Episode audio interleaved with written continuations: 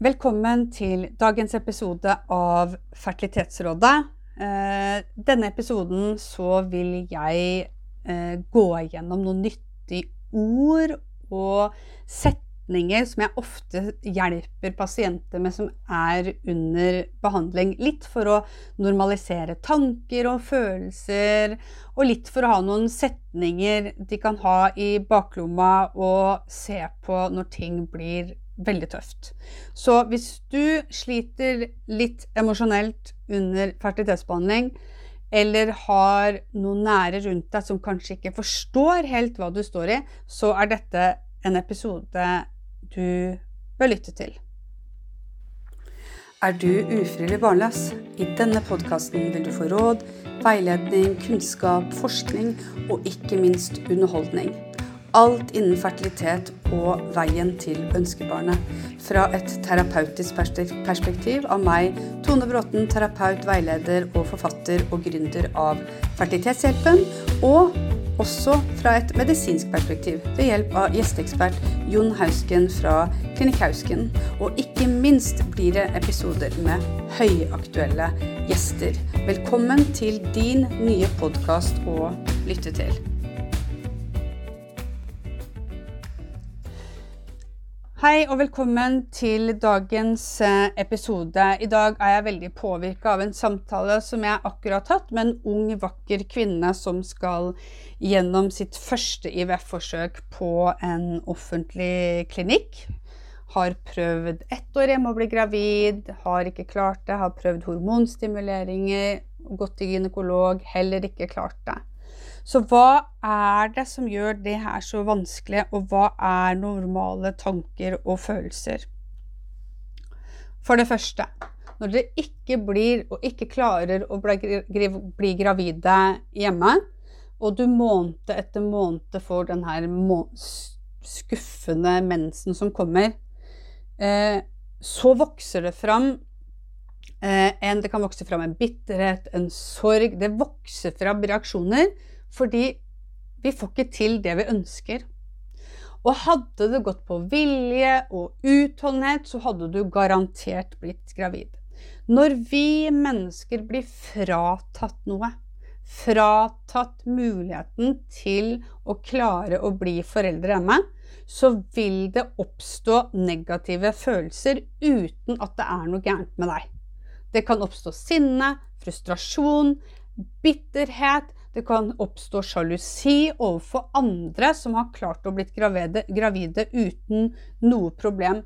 Vi skal ikke bagatellisere de her reaksjonene, fordi det her er normale reaksjoner når du blir fratatt noe i livet. Du kan bli fratatt helse, du kan bli fratatt mannen din. Altså, hvis du mister noe som har betydning i livet ditt, eller mister muligheter som har betydning for livet ditt, noe som du ønsker å oppnå, så skal du ikke bagatellisere at disse her negative følelsene kommer. Og de, det trenger ikke bare være negativt, for det kan også være drivkraften inn i å finne en løsning.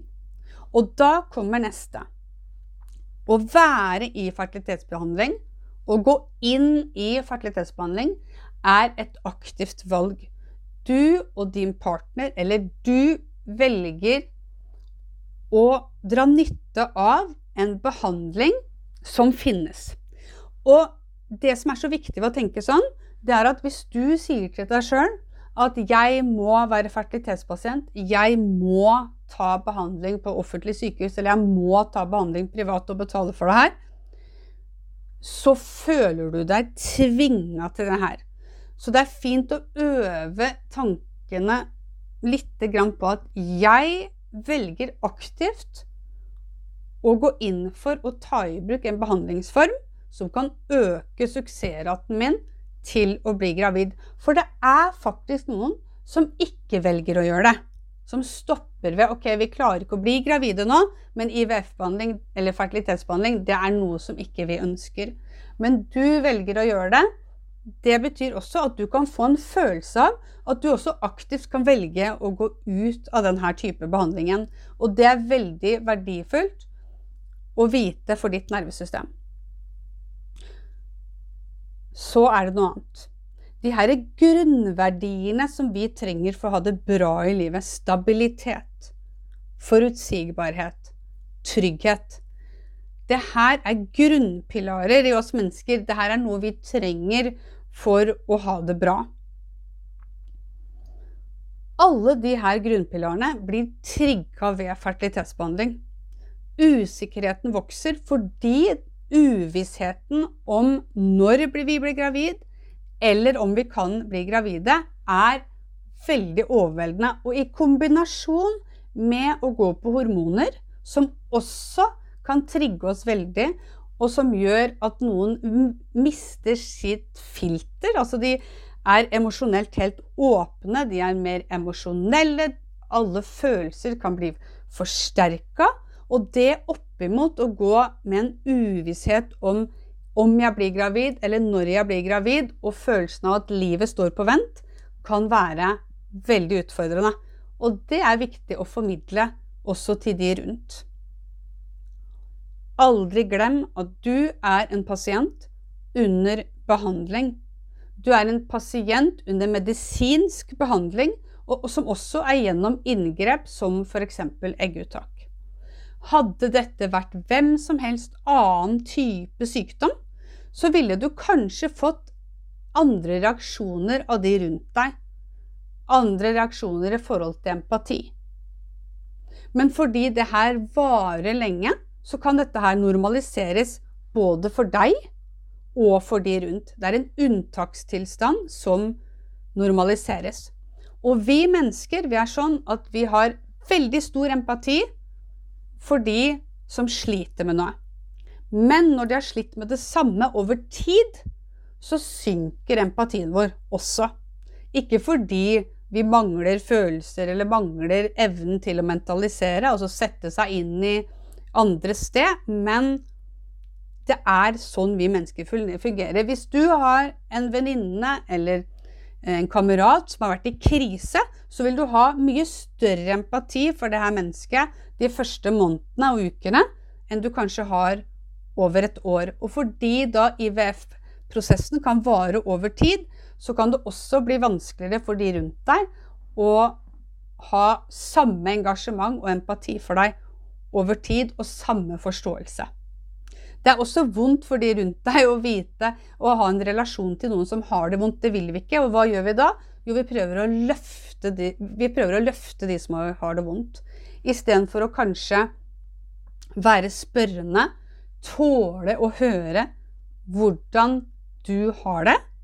Så prøver man å løfte f.eks.: Ja, hvis du ikke stresser, så blir du gravid. Eller ja, jeg hørte om noen som eh, var i adopsjonsprosess, og så ble de plutselig gravide. Eller ja, hvis du kjøper deg en hund, da, da, da vil du ta det med ro, så da vil du bli gravid. Dette her er velmenende ord, men det er for å løfte fordi vi ikke klarer, fordi de rundt ikke klarer å stå i det sammen med deg i de vanskelige følelsene. Det som ofte er godt, det er noen som lytter, hvor du kan fortelle hvordan du har det. Og selvfølgelig er det riktig å løfte når tida er riktig for deg. Så er det det her å tenke at man skal leve som normalt under fertilitetsbehandling. Noen sykepleiere og noen leger lege kan si det. Bare, bare lev som normalt. Det er ingen, som jeg i hvert fall er i kontakt med, som lever som helt normalt når de er det her når de er under behandling. Og det er fordi at det å få barn betyr mest av alt i hele verden. Det her å være under fertilitetsbehandling som man egentlig ikke har lyst til å være.